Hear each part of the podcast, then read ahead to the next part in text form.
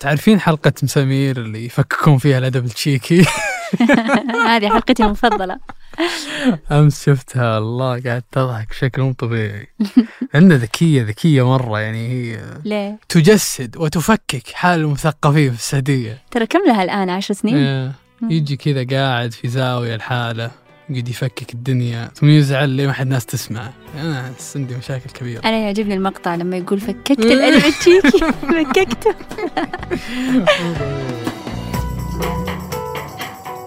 هذا بودكاست الفجر من ثمانية. بودكاست فجر كل يوم نسرد لكم فيه سياق الأخبار اللي تهمكم. معكم أنا سحر سليمان. وأنا فارس فرزان. خبرنا الأول اليوم عن بيع مونديال قطر حوالي 3 مليون تذكرة قبل أسابيع من بداية كأس العالم. والخبر الثاني ليز تراس تستقيل من رئاسة وزراء بريطانيا بعد 45 يوم في المنصب.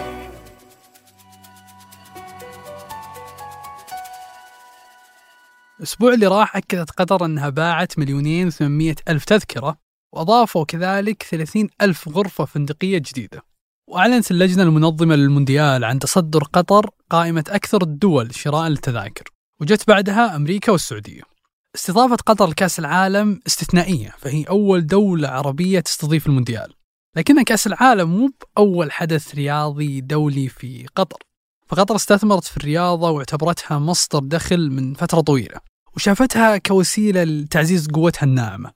من 2005 لليوم استضافت قطر أكثر من 500 فعالية رياضية دولية وفي 2004 فتحت أكاديمية عالمية لتنمية رياضيين الشباب من مختلف أنحاء العالم. قطر تملك نادي باريس سان جيرمان اللي يضم مجموعة من أهم نجوم العالم في الكورة. وكذلك تملك شبكة بين سبورت الناقلة لأهم البطولات الرياضية. هذه الأشياء خلت قطر رغم تحديات المساحة والموارد البشرية أنها تطمح أكثر خصوصا الاستثمار الرياضي عوائد المالية كبيرة ويعزز قوة البلد الناعمة زي ما قلنا قبل شوي. وفعلا في 2009 ترشحت قطر لاستضافة كأس العالم 2022 وبعدها بسنة أعلنت الفيفا عن فوزها بالاستضافة. بعد منافسة شرسة مع اليابان واستراليا وأمريكا وكوريا الجنوبية. The 2022 FIFA World Cup is Qatar. هذا الفوز تسبب بجدل كبير لقطر. فمسؤولين في الفيفا وأبرزهم الرئيس السابق جوزيف بلاتر لحقتهم اتهامات بالفساد بعد إعلان فوز قطر وفي السنوات الأخيرة صار جدل بسبب ظروف العمال في قطر. جاء معه دعوات غريبة بسحب المونديال لكن قطر تجاوزت هذه التحديات والاتهامات بصعوبة وبدأت تتجهز لاستضافة كأس العالم. استثمرت قطر ببناء ملاعب وبين 2018 ل 2021 انتهت من إنشاء ثمان ملاعب جديدة. وابرزهم ملعب لوسيل اللي بيستضيف المباراة الافتتاحية والنهائية لكأس العالم. وهذا الملعب يتسع لأكثر من 86 ألف مشجع.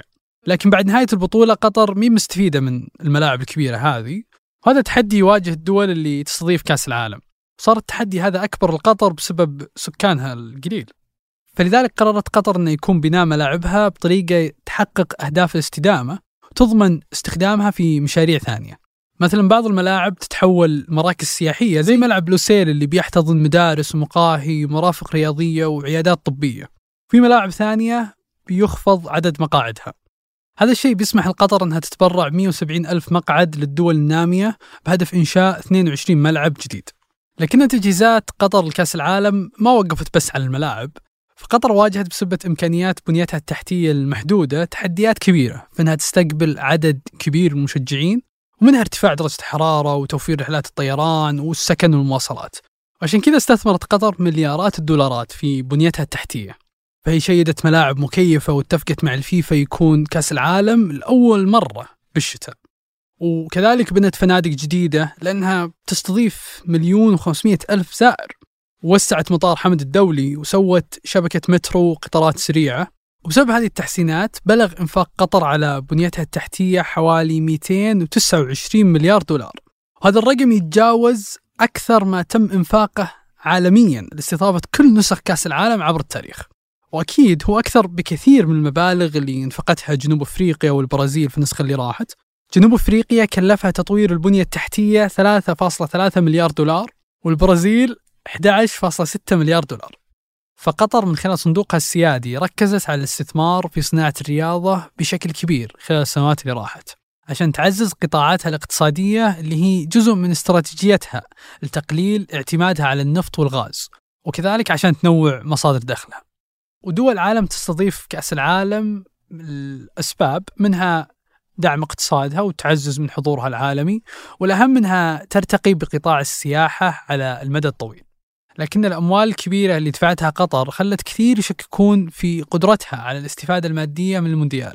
خصوصا أن الدول المستضيفة ما تستفيد بشكل مباشر من مبيعات التذاكر وحقوق البث واللي تمثل الجزء الأكبر من عائدات البطولة. هذه الأموال تروح للفيفا. مع ذلك قطر تشوف أن المونديال فرصة كبيرة لتنويع اقتصادها القائم على الطاقة. وتشوفها كذلك فرصة تسويقية هامة كون هذا أول كأس عالم في العالم العربي والشرق الأوسط. ويرد المسؤولين القطريين على الشكوك هذه بنموذج جنوب أفريقيا والازدهار السياحي اللي صار لها بعد المونديال. كيف إن عدد السياح لجنوب أفريقيا ارتفع حتى وصل 10 مليون و200 ألف في عام 2019 فلذلك تطمح قطر إنها بعد المونديال تصبح مركز تجاري في المنطقة وتضاعف عدد السياح ثلاث مرات حتى يوصل 6 مليون في 2030 لكن إنفاق قطر الهائل على كأس العالم ممكن ما يعني إن قطر بتحقق حلمها الاقتصادي بمجرد انتهاء البطولة. فرويترز تقول إن في مخاوف من إن الفنادق والأسواق والمنتزهات الجديدة تصير بعد كأس العالم فاضية. الآن الطلب على السكن مرتفع جدا خصص ما لا يقل عن 64 ألف غرفة. لكن بعد البطولة ممكن تحول هذه الوحدات السكنية للعبء على الدولة ومع احتمالية ارتفاع هجرة الأجانب وانخفاض الطلب على المشاريع الجديدة. ممكن يتباطأ نمو اقتصاد قطر غير القائم على الطاقة. رغم أن صندوق النقد الدولي يرجح نمو اقتصاد قطر بنسبة 3.4% هذه السنة إلا أنه يتوقع تباطؤ نموها ل 1.7% في عام 2024 لكن الأكيد أن باقي دول الخليج بتستفيد من كأس العالم وبأقل التكاليف. المونديال فرصة كبيرة لإنعاش قطاع السياحة والسفر في بقية دول الخليج. فخلال البطولة بيكون في 94 رحلة للمشجعين من دول الخليج إلى قطر بشكل يومي.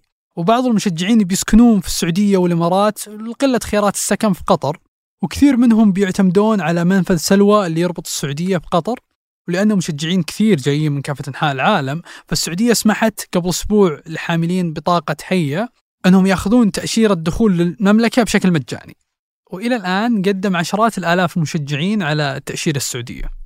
عشان يضمنون سلامة الأعداد الكبيرة من السياح اضطرت قطر أنها تستعين بقوات دولية لمساعدتها في الحماية والتنظيم. فالمغرب وباكستان وتركيا بيرسلون قوات أمنية وفي تعاون أمني مع حلف الناتو. وبريطانيا كذلك بتوفر غطاء جوي أمني لحماية البطولة من أي أعمال إرهابية. I have therefore spoken to His Majesty the King to notify him that I am resigning as leader of the Conservative Party. هالأسبوع أعلنت ليز تروس رئيسة وزراء بريطانيا استقالتها بعد 45 يوم من تولي المنصب. الاستقالة اللي خلت فترتها الأقصر بتاريخ بريطانيا وأثارت ضجة في العالم كله. لأن رغم أن فترتها قصيرة مرة إلا أن القرارات اللي اتخذتها تركت الاقتصاد البريطاني في فوضى كبيرة. ويمكن أوضح مؤشر لهالفوضى هو أن بريطانيا بالفترة الأخيرة مر عليها أربع وزراء مالية بأربع شهور بس. وهذا اللي خلى قيمة ال pound اليوم تعادل دولار فاصل صفر أربعة واللي هو أقل سعر بتاريخ ال pound. وبعد انتخاب رئيس وزراء جديد بعد تروس بيكون مر على بريطانيا في ست سنين بس خمس رؤساء وزراء مختلفين. وعشان نفهم اللي جالس يصير ببريطانيا هالفترة خلينا نرجع لرئيس الوزراء اللي قبلها بوريس جونسون. في 2019 لما كانت الأصوات اللي تنادي بالبريكسيت أو خروج بريطانيا من الاتحاد الأوروبي تزيد كان بوريس جونسون اللي كان وقتها رئيس بلدية لندن هو الصوت الأعلى اللي يدعم خروج بريطانيا من الاتحاد. والخروج من الاتحاد الأوروبي بحد ذاته من أسباب المشكلة اللي تعيشها بريطانيا اليوم. لأن خروج بريطانيا من الاتحاد قلل من التجارة والسياحة بين بريطانيا والاتحاد الأوروبي اللي كانت تسهل لها السوق الاقتصادية المشتركة بين الأعضاء. بالتالي بعد البريكسيت الطلب على ال pound قل وقلت قيمته. وبحسب دراسة من مركز الإصلاح الأوروبي البحثي اقتصاد بريطانيا خسر 38 مليار دولار بسبب خروج بريطانيا من الاتحاد. وطبعا في فترة جونسون بدأت الحرب بين روسيا وأوكرانيا اللي حفزت التضخم في العالم وتحديدا في بريطانيا اللي وصل فيها التضخم لفوق 10% في وسط هالمشاكل وبالإضافة لأكثر من فضيحة طلعت عليه اضطر بوريس يستقيل وبدأت بعدها انتخابات داخل حزب المحافظين لاختيار رئيس وزراء جديد. الاختيار كان على ليز تروس اللي كانت وزيرة لعدة وزارات خلال رئاسة ديفيد كاميرون وتريزا ماي وبوريس جونسون. ليز تروس بأول خطاب لها بعد انتخابها قالت أن عندها ثلاث أولويات للاقتصاد وكررت كلمة النمو أكثر من مرة. ورغم أن الخطاب مدته 35 دقيقة بس إلا أنها ذكرت كلمة النمو 29 مرة.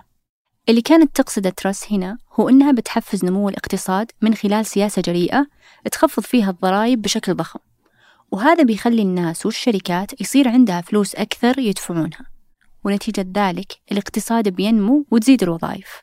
فكرة تخفيض الضرائب عموما معتادة من الأحزاب اليمينية زي حزب المحافظين ببريطانيا اللي رأسته ترس أو حتى حزب الجمهوريين بأمريكا. اللي صار عندهم شيء مشابه بفترة ترامب لما قلل الضرائب على الشركات من 35% إلى 21% ونمى الاقتصاد وتحسن أداء الشركات بعدها. طيب إذا السياسة هذه نجحت بأمريكا وليسترس كان في بالها تسوي نفس الشيء في بداية فترتها وش اللي صار الحين؟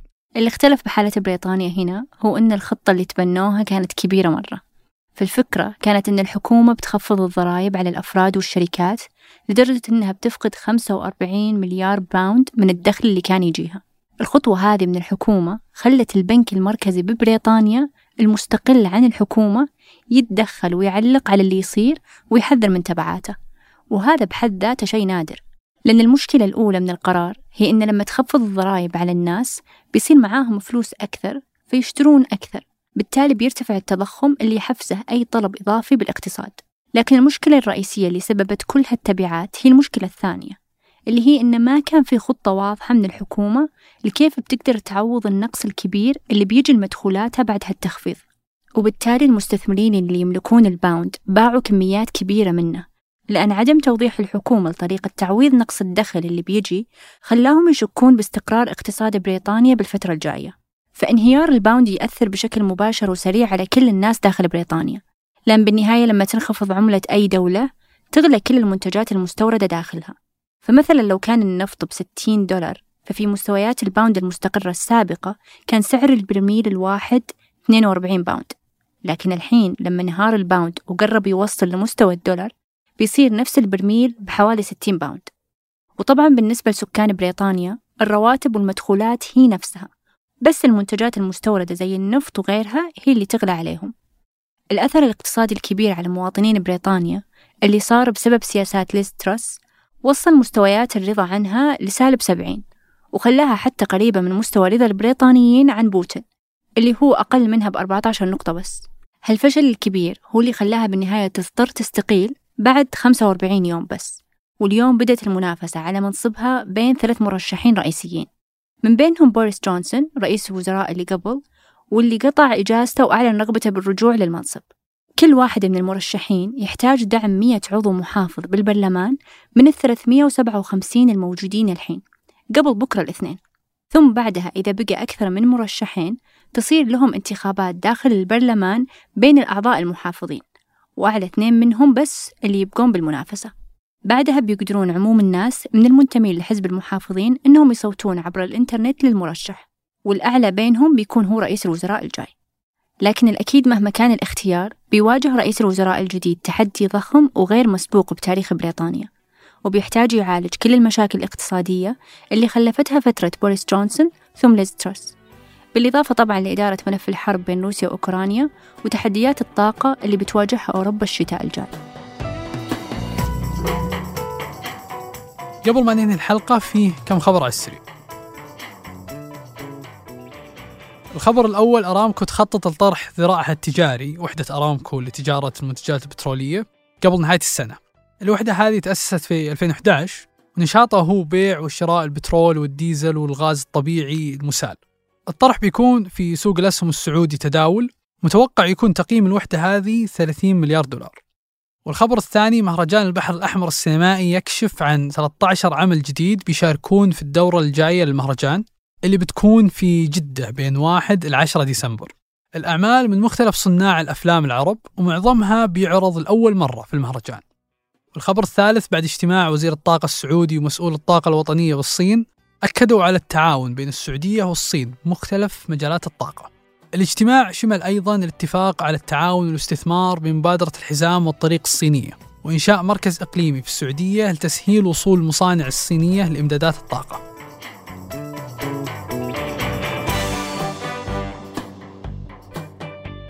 أنتج هذه الحلقة تركي القحطاني وعمر العمران وقدمتها أنا سحر سليمان وأنا فارس فرزان. وحررها محمود أبو ندى. نشوفكم بكرة الفجر.